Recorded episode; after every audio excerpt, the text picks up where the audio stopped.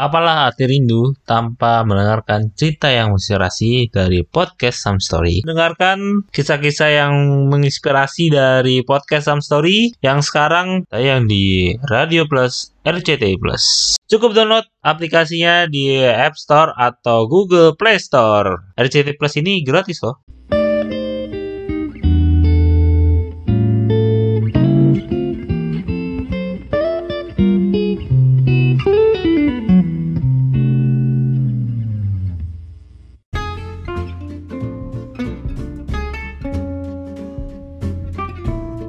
Halo teman-teman semua, balik lagi di podcast Some Story, sebuah cerita yang menginspirasi barengan gua Adam dan juga barengan gua co-host Farid. Apa kabar, Rid? Alhamdulillah baik, Baik ya. Uh, Ah. Gimana COVID aman ya? aman. Soalnya lagi Mulai, naik. mulai meningkat lagi lah di daerah rumah gua sekarang. Iya aman lah lu habis vaksin kan? Hmm. Iya, itu dia. Amin. Ya seperti biasa gitu ya, kita menemani teman-teman yang mungkin lagi gabut atau nggak mau mana kesibukan di rumah, nggak malam minggu gitu, nggak ada pacar juga mungkin ya. Mending dengan kita juga dan kita bakal nemenin kalian gitu. Nah di episode kali ini kita bakal bahas apa nih? Bahas eh, salah satu olahraga favorit gua lah selain sepak bola, yaitu basket. Basket ya. Ngomong-ngomong soal ba- ya, ngomong-ngomong soal basket nih, Bang. Lo sebenarnya termasuk orang yang seneng basket nggak sih, Bang, sebenarnya? Gua dibilang paling sama warga bener sama kayak lo bola gitu kan. Tapi basket itu gua nggak terlalu suka mainnya karena pertarungannya banyak banget. Nah tapi gua Oh, suka iya. banget main main NBA 2K dari zaman mungkin 2K 09, 08 mungkin udah 2K 2K Oh. yang lama lah udah dulu kan Ah, sering banget ke renta gitu gue ya uh, Iya. main-mainnya oh iya. udah apa ya apa jadi gue tahu lumayan lah basket uh, dan favorit player gue tuh uh, point guard tuh kayak kalau nggak salah karena Ray Allen atau um, Stephen Curry juga Ray Uh, Allen sih. Iya, Ray, Ray Allen. Allen, iya. satu yang paling bagus sih, Bang Ray Allen. gue gue paling favorit posisi orang yang bisa nembak three point gitu jadi kayak paling keren lah uh, orang yang Shooting paling guard, Maksud lo? Shooting iya guard juga Oh. ya Um, Ah, shooting guard. iya gue juga Kalau suka point guard tuh sebenarnya point guard itu kalau di sepak bola dia tuh ibaratnya kayak playmaker gitu ya. loh. Iya, playmaker kayak Xavi atau Iniesta Hmm. gitu loh. Tapi kayak ada bonus juga kadang yang kan Stephen Curry kalau nggak salah oh, gue di 2K gitu posisinya point guard gitu kan. Ah, Iya. Dia dia bisa three point juga gitu all around lah. Ah, dia kadang juga Ah, bisa ya. nyetak dari apa tuh? Kalau misalkan kayak Three point, three point, Enggak yang two point tapi dari deket kayak gimana sih? layup. Ah, layup gitu lah. Dang Ah. doang itu juga bisa gitu. Ah. Walaupun dia pendek kecil Oh iya, gitu, tapi, iya, tapi kayak dia kayak orang tuh gitu. Iya. ah, Uh, pemain kayak Michael Jordan terus juga itu juga Jordan. sama yang apa Kobe ya favorit gue Iya, juga Kobe. karena gue sering banget pakai Lakers dulu pas main 2K jadi gue Karena Ah, emang banget. zaman-zaman 2K 08 09 itu Lakers lagi jaya-jayanya, Bro.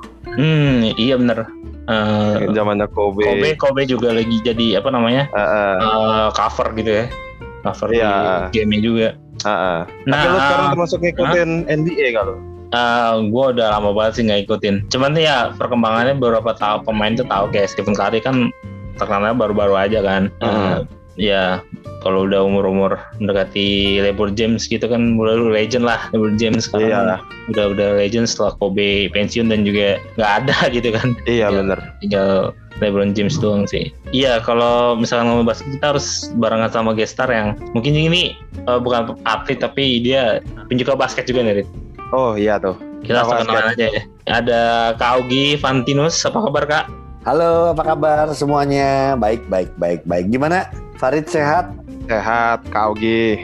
Oke, Adam sehat? sehat Kak Oke, aman Mantap. Hmm. Gimana gimana lagi ngomongin basket nih kayaknya seru banget.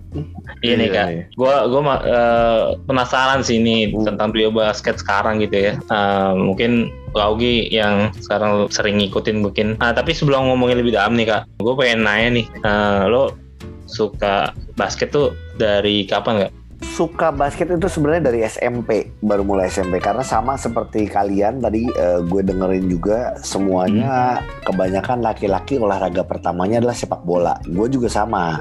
Hmm. sepak bola setelah itu baru kenal basket di SMP setelah itu dua olahraga itu yang gua jalankan sampai sekarang di umur gua 42 nih. Jadi masih gue ngikut, gue masih masih main basket, masih main bola. Tapi ya emang semuanya tidak pernah dijalankan secara profesional atau serius. Jadi emang cuma sebatas hobi. Gue senang olahraga, gue orangnya harus keringetan dan gue ngerasa olahraga itu adalah bagian dari kita belajar tentang banyak soal kehidupan, sportivitas, kerjasama, kerja keras, semua ada di olahraga dan gue ngerasa gue nyaman dengan kehidupan di bidang olahraga. Makanya itu yang membuat kira mungkin gue identiknya sama oh Ogi identik banget sama basket. Terus kehidupannya banyak disambungkan sama olahraga basket ya itu jadi SMP mulai kenal basket mulai ikut klub di Bandung. Ya bukan klub malam ya klub basket.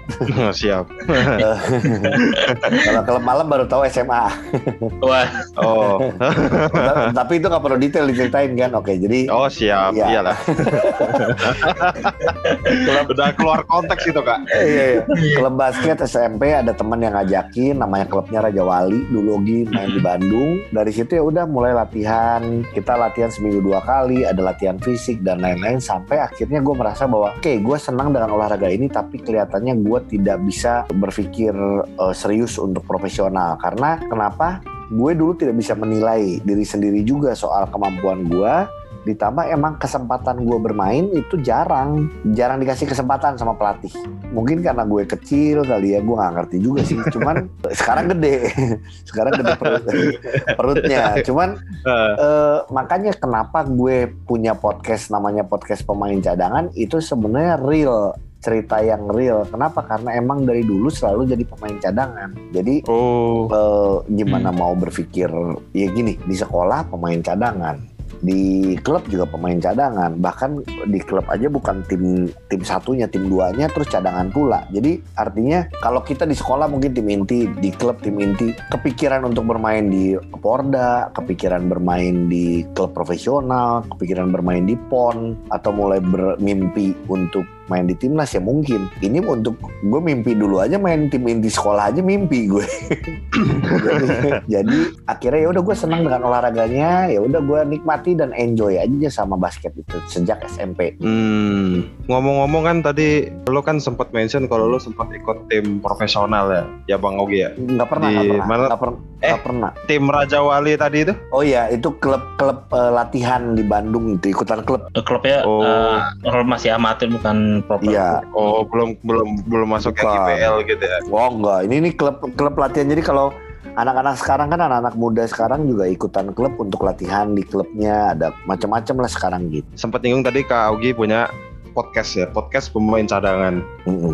Nah, itu kira-kira apakah podcastnya itu juga cuma menceritakan tentang basket apa gimana tuh, Kak? Iya jelas. Karena namanya juga podcast pemain cadangan. Terus jadi kita ngebahas soal basket dan sekitarnya. Basket dan sekitarnya artinya ya basket tuh kan tidak lepas dari banyak hal. Dari lifestyle dari fashion dan basket pun juga banyak. Kita ngomongin basket NBA basket Indonesia basket putri basket eh, putra basket SMA itu ngebahas soal basket semuanya. Jadi ya podcast pemain cadangan ini baru terbentuk satu tahun kita udah 100 berapa 115 episode ya kita Wow. Hmm. ya kita Ya, kita belajar untuk komit dan konsisten seminggu dua kali barengan sama Kak Ujo Project Pop Oh, Ujo Project Pop. Iya Hmm. awal, ya, Ah, awal tahu tahu tahu. Awalnya karena persahabatan dan akhirnya kita berpikir bahwa setiap kita ketemu kenapa kita selalu ngomongin basket ya? Awalnya tuh jadi kita kalau teleponan atau ketemu ngomongin basket jadi cuma memindahkan aja obrolan yang eh, biasanya nggak direkam sekarang jadi direkam dan eh, kita memanfaatkan kedekatan kita sama basket Indonesia terutama kalau Ogi kan dekat banget sama basket Indonesia karena gini pernah jadi MC lapangan basket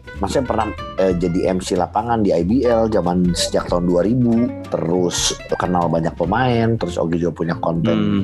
YouTube one on one juga basket jadi kedekatan itulah yang kita gunakan supaya kita dapat informasi-informasi yang paling cepat aktual bisa dikonfirmasi bisa perganti, pergantian pemain perpindahan pemain perpindahan pelatih tim baru eh, ngomongin soal banyak hal lah gitu ataupun eh, gosip-gosip yang baru di luar baru ada ya kita langsung konfirmasi karena kedekatan itu dan akhirnya ya udah kita kita nikmati kita jalanin sekarang berarti udah jalan setahun lebih ya udah 100 dan kemarin tayang 116 gitu episode 112 gitu lupa gue Hmm. Selama main basket dari zaman SMP tadi ya, Kak. ya? Iya. Nah, dari zaman SMP sampai sekarang nih, kira-kira tuh ada nggak sih kayak semacam pengalaman yang kayaknya tuh asik banget dari dari main basket itu sendiri yang membekas sampai sekarang gitu kak Senang adalah pada saat main di sekolah sih dulu. Jadi Ogi tuh sekolah, Ogi angkatannya disebut deh, angkatannya 97. hmm. Kalian lahir tahun? Aku baru lahir. kalau Oke. kalau aku 2000 sih kak Oke, makasih.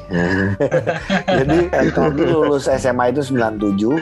Dari SMP sampai SMA ikutan eh, tim sekolah dan waktu di angkatan 97 itu SMA Aloysius Bandung itu adalah SMA paling kuat di ba- basketnya karena banyak sekali pemain-pemain bagus. Jadi bukan karena Oginya ya, karena banyak pemain-pemain lain yang bagus-bagus. hmm. Jadi oh Eh, nah, tapi kan Hmm. ya inilah senangnya olahraga tim itu. Mau kita pemain cadangan mau kita main cuma dua menit mau kita cuman eh, apa jarang dimainin. Tapi pada saat kita menang ya semuanya juga merasakan kemenangan itu. Ah iya bener aku juga ngerasain itu sih kak nah jadi ya iya eh, mungkin yang terkenang ya itu ya pertama adalah kalau sebagai pemain ya ceritanya dia di sekolah eh, Ogi inget banget selama main basket sama tim sekolah tidak pernah kalah. Artinya tidak pernah kalah itu bukan kalah di turnamen ya, tapi di penyisihan. Pokoknya setiap pertandingan nggak pernah kalah aja.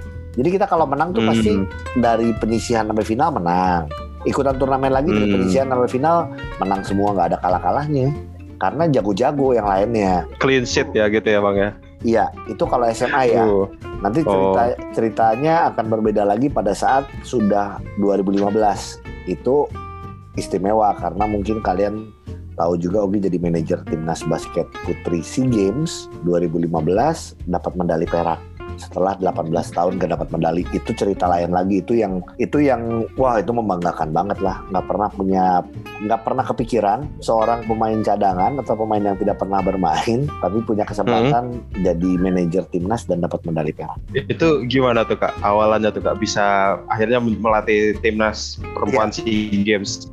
Eh, awalannya adalah sebenarnya ceritanya ada di buku Kaogi. Tahun 2017 Ogi mengeluarkan sebuah buku judulnya Jam. Ini karena audio ya, tapi ini karena kita rekamannya video. Bukunya kayak gini nih kebetulan ada di sini nih. hmm. Judulnya Jam Hmm. dari penonton jadi manajer timnas Indonesia. Itu cerita perjalanan Ogi jadi manajer. Bukunya kurang laku, padahal isinya bagus. Nanti kita, Gitu. nanti kita bantu promoin kak. Eh, Nanti kita iya. coba baca enggak, masih banyak kok kalau di e-commerce atau di toko buku toko buku masih banyak. Cuman itu emang bener-bener kayak kalian ngobrol sama Ogi aja. Bahasanya pun bahasa yang santai. Terus gimana Ogi meliku- melewati lika-liku menjadi manajer tidak mudah eh, berkoordinasi dengan banyak hal. Waktu itu Menpora eh, Satlak Prima eh, Perbasi dan lain-lain. Tapi ya akhirnya puji Tuhannya adalah dapat medali eh, perak. Setelah 18 tahun nggak pernah dapat medali. Dan prestasi medali perak itu adalah prestasi terbaiknya basket putri Indonesia. Basket putri Hmm. Indonesia belum pernah mendapatkan emas. Yang pernah adalah perak tahun 91 dan akhirnya di tahun 2015 kita samakan eh, dengan medali perak juga. Nah itu ya perjalanannya ya waktu itu kesempatannya emang ada ditawarin waktu itu Kak Ogi berakhirnya mencoba untuk apa ya mencoba berkomitmen karena jadi jadi manajer timnas basket Indonesia itu satu kesempatan dan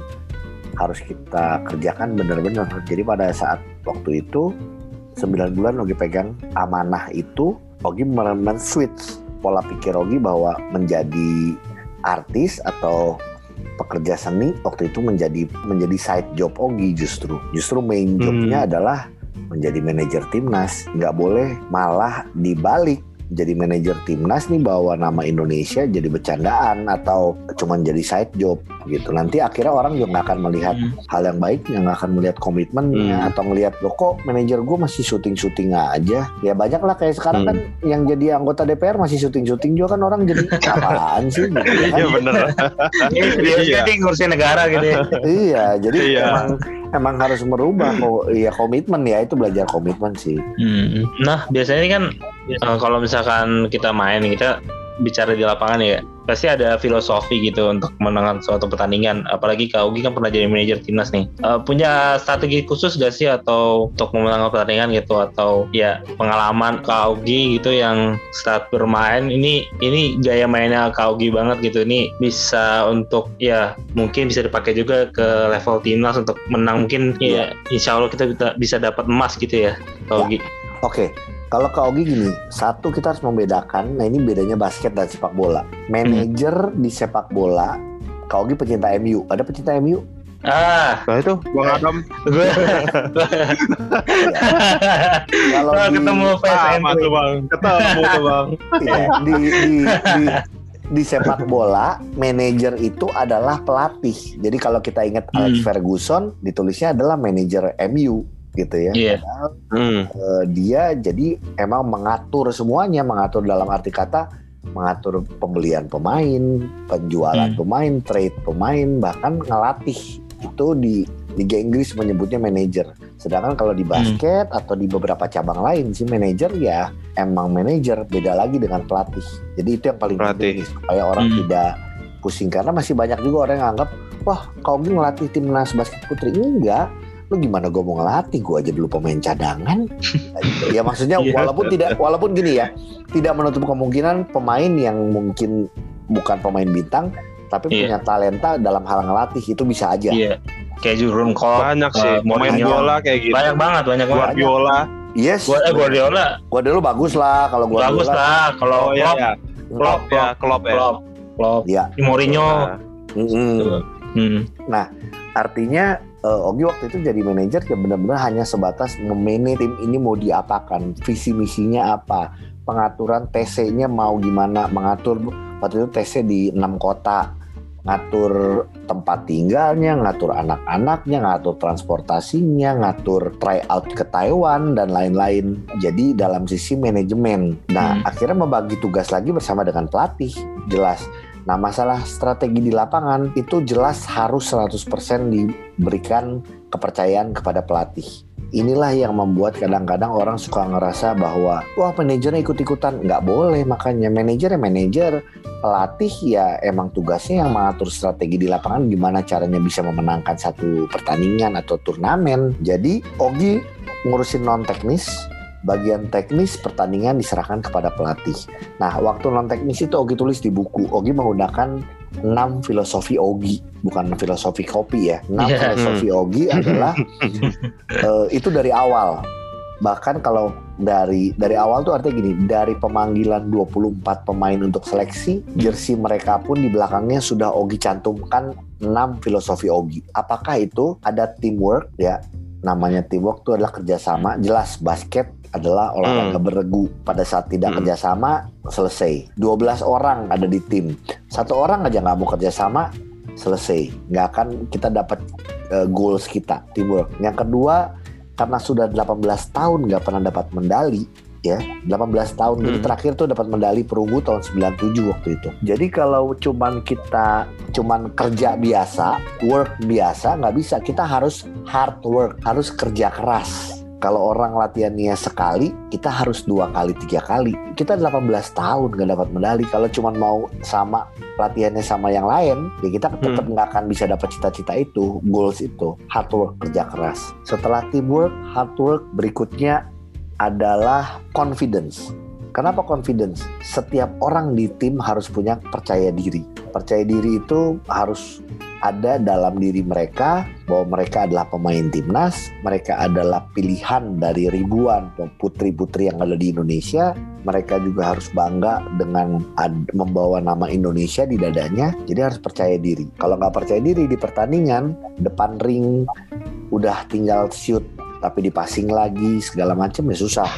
Confidence. Hmm. setelah confidence Hmm. adalah trust. Trust itu sama kelihatannya kan percaya. Tapi ini per- saling percaya. Confidence tuh eh trust itu saling percaya. Jadi percaya. Pemain sesama pemain harus saling percaya. Jangan cuma ngopernya ke pemain yang kelihatannya paling jago. Nggak bisa kan? Hmm. Lalu dia kayak eh, terus yang berikutnya pemain harus percaya sama pelatih. Pelatih harus percaya sama manajer manajer harus percaya sama pemain. Semua harus saling percaya. Trust itu penting kalau kita mau dapat goals itu. Setelah itu pride. Jelas pride. Kita bangga bahwa Garuda bawa nama Indonesia. Itu jelas menjadi kebanggaan. Makanya kenapa Ogi merubah logonya bikin logo yang bagus. Supaya apa? Logo bagus itu kita pakai baju aja bangga. Kita kadang pakai baju MU karena ada logonya bagus. Kita lihat uh, klub-klub I- eh, NBA sekarang logonya bagus-bagus. Kenapa kita beli kita pakai? Karena logonya juga bagus, bangga kita. Nah itu harus ada rasa bangga itu. Berikutnya terakhir yaitu fun. Ogi menjalankan semua pekerjaan Ogi tuh harus selalu fun, nggak boleh beban. Jadi termasuk anak-anak basket Indonesia terutama timnas latihan harus fun. Bukan fun tuh bercanda beda ya. Fun tuh harus happy harus tidak punya beban. Di pertandingan gimana? Fun juga?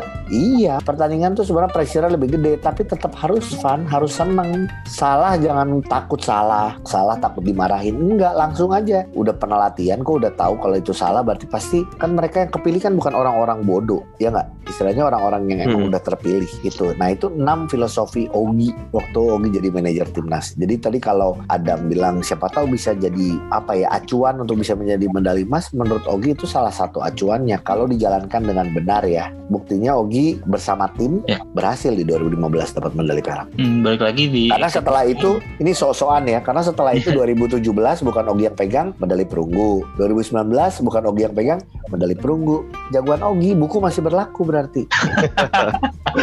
Siap siap. Ayo guys masih tersedia di Hashtag Augie for coach. no no no udah, udah cukup udah cukup Bisa tuh. Nah mungkin selanjutnya gini nih Kak Augie.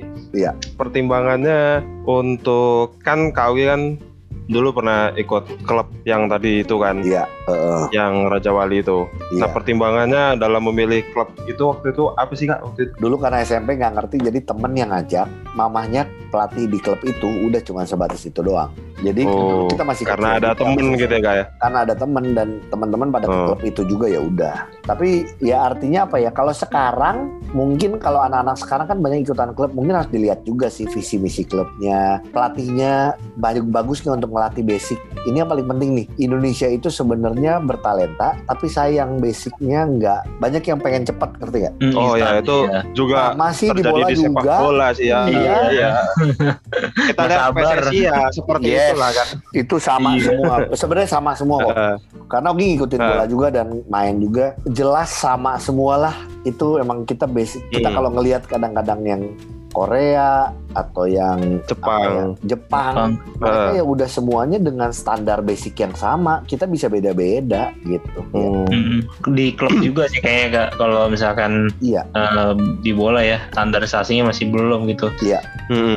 gini kak eh, kalau misalkan tadi kan aku sempat eh, nyinggung di awal gitu kan gue terlalu main basket karena peraturannya bingung susah itu bener sih Iya. Banyak banget apalagi di update sekarang mungkin ada nggak sih peraturan baru yang mungkin belum banyak orang tahu terus juga olahraga ini menurut jadinya lebih kompleks daripada bola gitu enggak lah sebenarnya kan balik lagi kalau Hmm. orangnya suka sama olahraganya biasanya akan belajar peraturannya cuman mungkin Oke. kayak apa mungkin Farid kalau Farid emang main basket kan Iya.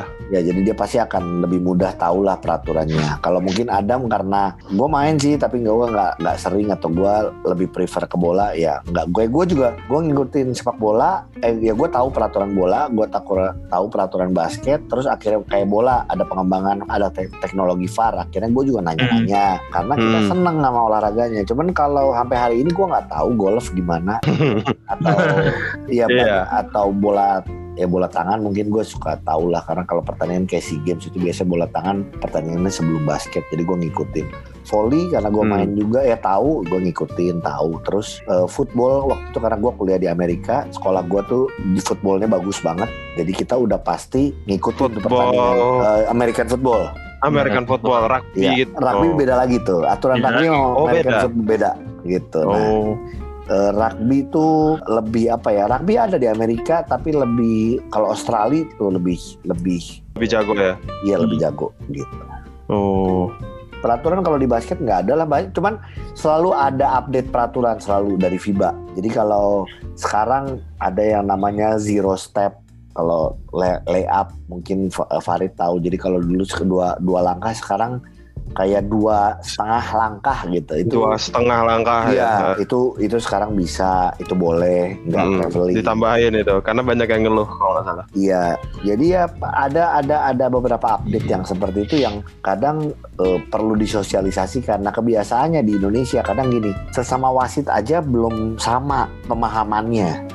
Mm-mm. secara praktek ya, secara praktek. Iya. Padahal bukunya sama, buku FIBA. Setelah wasit belum sama, pemain juga belum tahu.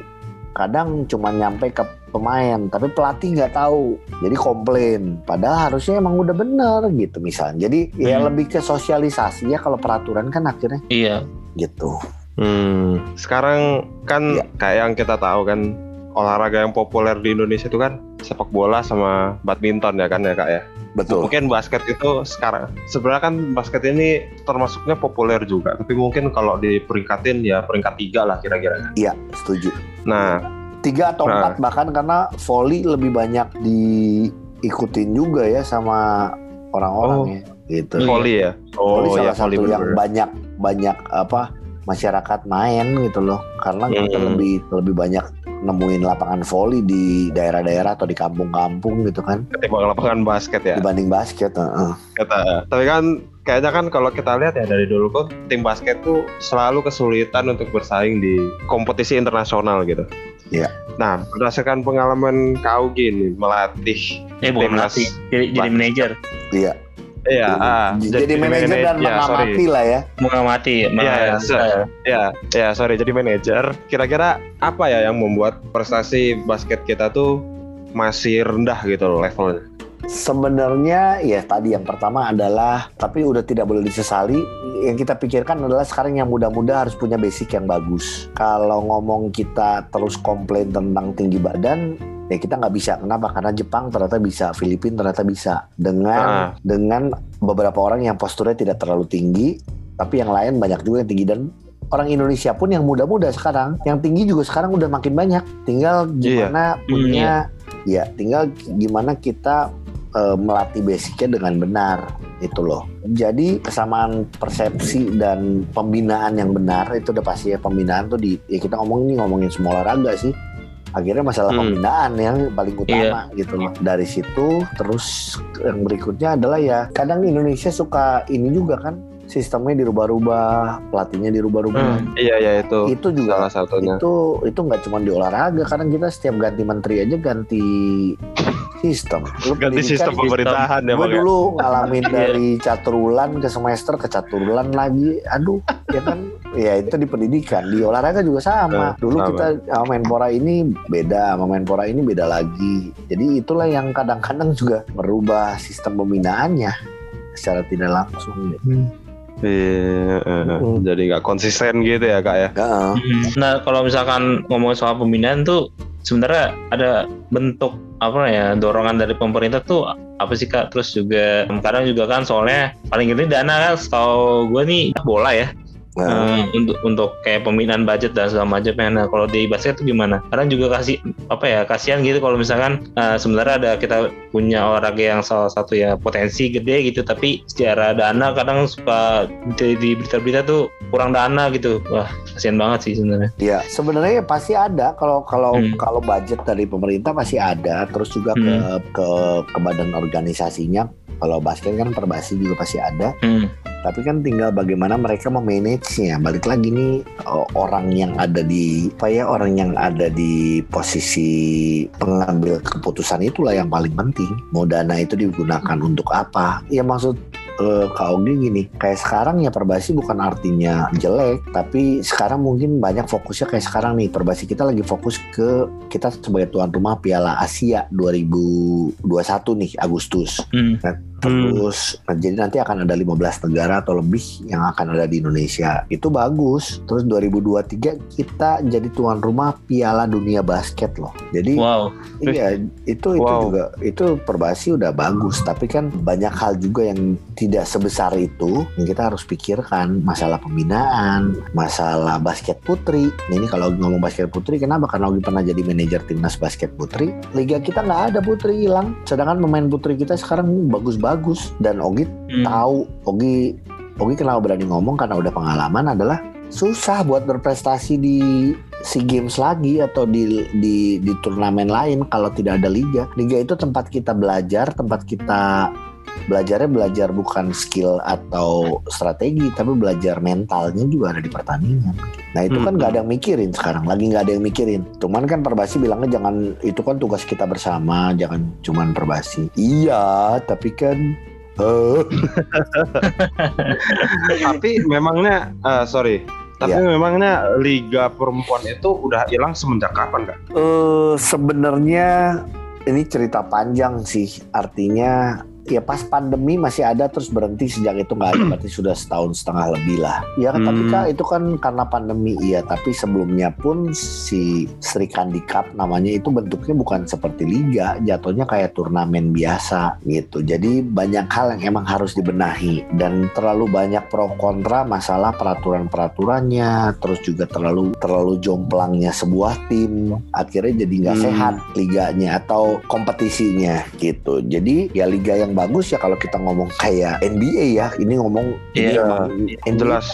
NBA kalau ngikutin NBA zaman dulu kita tahu Chicago Bulls juara Mm-mm. tuh tuh sekarang Hmm. Chicago Bulls udah nggak lagi jadi gimana Udah turun drastis. Iya, sekarang Iya. nih tahun ini NBA yang akan final adalah eh, tim yang sudah lama tidak pernah final. Artinya Iya. bisa muter tuh. NBA tuh bener-bener bikin bikin satu aturan. Ada yang namanya rookie, ada draft rookie, ada trade, ada salary cap itu pembayaran pemain segala semua Hmm. dibentuk semua dibikin supaya semua tim bisa punya peluang yang sama di nantinya ke depan makanya kenapa draft nomor satu itu adalah tim paling bawah ya kan supaya dapat pemain bagus dan Bagus. lain-lain. eh. Nah itu kan semuanya masalah sistem dan peraturan. Gampang nggak? Emang tidak mudah. Bisa nggak? Nggak ada yang nggak bisa. Hmm, gitu. Cocok aja jadi menpora. Wah ini cocok. Jadi ketua perbasi lah. Jadi Ah, ketua enggak, enggak. perbasi lah. itu pertanyaan-pertanyaan sering tuh Farid. Kau mau nggak jadi ketua perbasi? Kau mau nggak jadi manajer timnas lagi? Enggak. Karena basket kita membutuhkan orang-orang seperti Kak Augie sebenarnya. Amin. Ya bang? Amin. Iya amin. benar. Aminnya kenapa Kak Ogi berani ngomong amin adalah gini. Iya, kita butuh orang yang punya hati besar di basket. Kak Ogi punya hati Mm-mm. besar? Iya.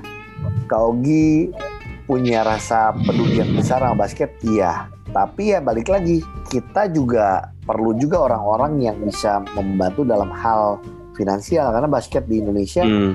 ya nggak basket aja semua ya kita butuh finansial. Iya benar.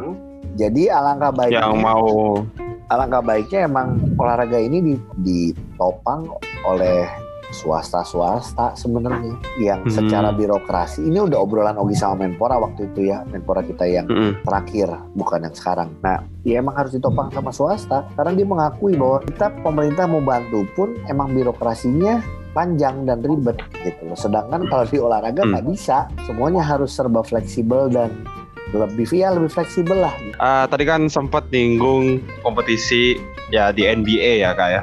Iya. Kira-kira nih kak, kompetisi di Indonesia nih kan ya masih seperti ini gitu kan ya. Iya. Kira-kira kalau men- kalau misalnya nih Kak Augie misalnya jadi ketua perbasi gitu Hmm. dan harus mengelola kompetisi gitu.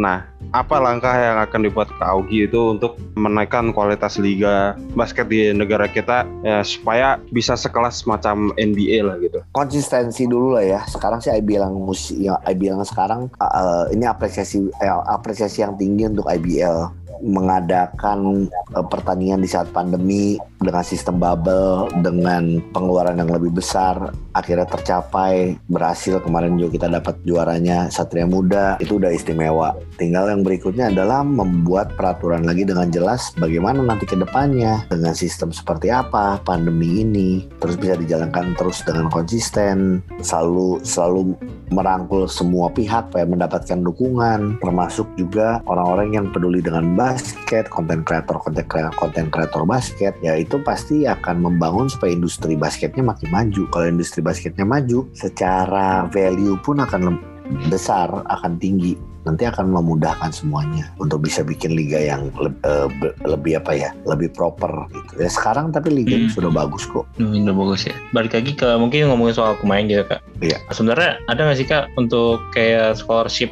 pembiayaan untuk pembinaan atlet basket gitu? Kadang kan banyak juga ya nah, di bola gitu banyak eh, pemain-pemain yang kurang secara ekonomi nggak mampu gitu kak. Iya, sekarang udah udah jalan.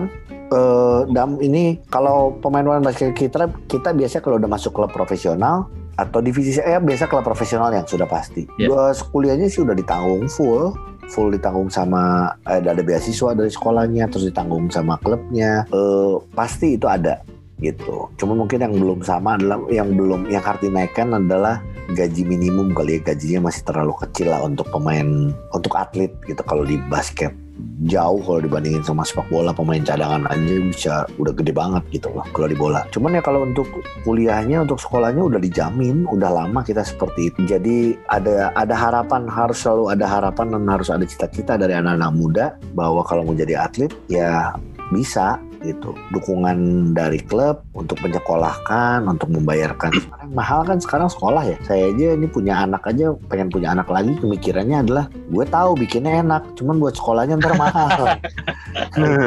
ya kan masih mikirin Iya, iya. sekolah gitu.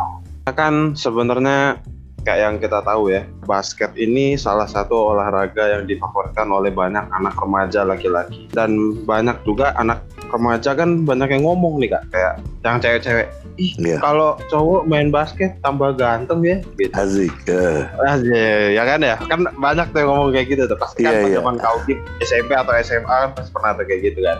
Iya. Nah, kira-kira itu ada omongan seperti itu tuh relevan nggak sih? Buat teman-teman Ogi yang lain relevan. Ke Ogi kok enggak ya? Jadi eh, kan banyak orang bilang adalah keringat jenik. Itu nggak tahu tuh. Wih. Di sini ada ada Iren. Iren kan cewek itu. Kalau keringetan baru tuh kelihatan wah gila keren banget gitu kan. gila. Heeh. Ogi, Ogi udah keringetan, udah pakai baju basket, kayaknya biasa-biasa aja saudara-saudara. jadi jualan, nggak jadi patokan cuman gini, mbak, eh, kan pemain basket atau olahragawan biasanya identik dengan badannya bagus, atletis. Kalau badan bagus sih sebenarnya akhirnya kan ya siapa yang nggak suka cewek gitu loh dengan dengan dengan bentuk badan yang bagus ya. Kalau bener profesional, kalau Ogi kan bukan profesional ya badannya gitu. Ya. Iya iya iya. Skill ada, skill sih ada loh teman-teman lihat aja Instagram. Oh siap. Siap siap. Oke. Jadi eh, mungkin ini terakhir ya kak ya. Iya. Eh, kira-kira nih, ada nggak sih tips atau saran untuk atlet-atlet basket muda di negara kita Iya. untuk mengembangkan bakat mereka untuk menjadi profesional ke depannya gitu? Yang pasti adalah harus punya cita-cita yang apa yang kalian suka, apalagi kita ngomongin olahraga, mau itu olahraga apa pun, termasuk basket, ya harus punya cita-cita. Kalau menjadi atlet jangan takut. Banyak orang mikir, oh nggak ada duitnya. Enggak. Dulu iya, mungkin dulu agak berat. Tapi sekarang dengan kemajuan zaman, sekarang banyak atlet yang sudah bisa hidup dengan benar, sudah bisa hidup dengan mapan. Kalau kemarin sempat ada rame-rame juga gosip bahwa katanya atlet basket nggak bisa beli satu rumah dua eh sa- satu rumah dua mobil. Kenyataannya banyak kok. Banyak yang sekarang DP-nya udah mobil, rumah dan lain-lain. Jadi jangan ya walaupun kita tahu yang muda-muda bukan arahnya langsung ke masalah apa ya finansial ya, tuh, tapi banyak ya balik lagi sebenarnya dengan kayak dibayarin kuliahnya itu pun juga udah jadi satu itu juga sebutannya finansial juga loh gitu dibayarin kuliah dan lain-lain. Jadi eh, harus punya cita-cita, kejar cita-citanya, jangan mau menyerah harus banyak belajar. Belajar itu nggak harus dari yang yang senior, tapi belajar dari yang lebih muda pun juga harus kita lakukan. Bela ya belajar untuk merendahkan diri kita, bukan merendahkan diri, merendahkan hati kita. Bisa belajar sama orang ya, untuk bisa belajar sama siapa pun. Gitu. Jadi eh, semangat kalau menjadi atlet di Indonesia, semoga bisa tercapai. Amin. Amin. Amin, amin, amin. Iya, bukan main memang em, obrolan kita episode kali ini ya. Semoga bisa jadi insight booster nih. Iya. Dan Amin. bukan hanya buat kita doang sebagai podcaster tapi juga yang mendengarkan podcast ini dan juga semoga basket Indonesia bisa lebih maju lagi ke depannya ya iya pasti lah ya thank you buat Kak Ogi yang udah menyempatkan uh, waktunya untuk mengisi di podcast Sam Story kalau misalkan teman-teman nih pengen ngikutin mungkin Kak Ogi nih lagi main basket atau keseharian Kak Ogi uh, boleh kak. Sosial medianya mungkin kak. Bisa di sharing. Iya, kalau Instagram at Augie Fantinus, kalau YouTube-nya juga ada Augie Fantinus, ada konten basketnya one on one, ada apa kegiatan main bola barengan sama teman-teman selebritis FC, itu semua di Hmm. YouTube. Terus punya podcast juga, podcast pemain cadangan, silakan bisa didengarkan. Itu juga ngomongin ngebahas basket NBA, basket Indonesia, pokoknya basket dan sekitarnya deh, namanya itu. thank you Oke. Ogi Siap. Oke, kalau ada teman-teman yang mau kerjasama atau ada ide buat konten podcast Sam Story selanjutnya, bisa banget ya kirim ide kalian ke IG podcast Sam Story at podcast underscore Sam Story. Terus juga bisa melalui email kita podcastsamstory at gmail.com. Oke, thank you buat teman-teman yang sudah mendengarkan podcast Some Story episode spesial bersama Kak Augie Fantinus. See you on next episode. Dadah. Dadah. Bye bye.